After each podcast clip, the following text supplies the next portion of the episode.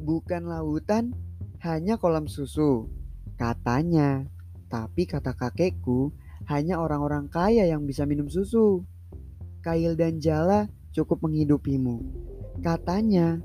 Tapi kata kakekku, ikan-ikan kita dicuri oleh banyak negara. Tiada badai, tiada topan kau temui. Katanya. Tapi kenapa ayahku bertiup angin ke Malaysia?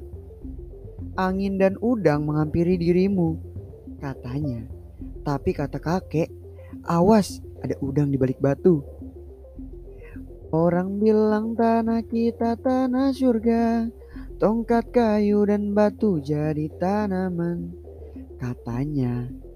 Tapi kata dokter Intel, belum semua rakyatnya sejahtera. Banyak pejabat yang menjual kayu dan batu untuk membangun surganya sendiri. Cuah.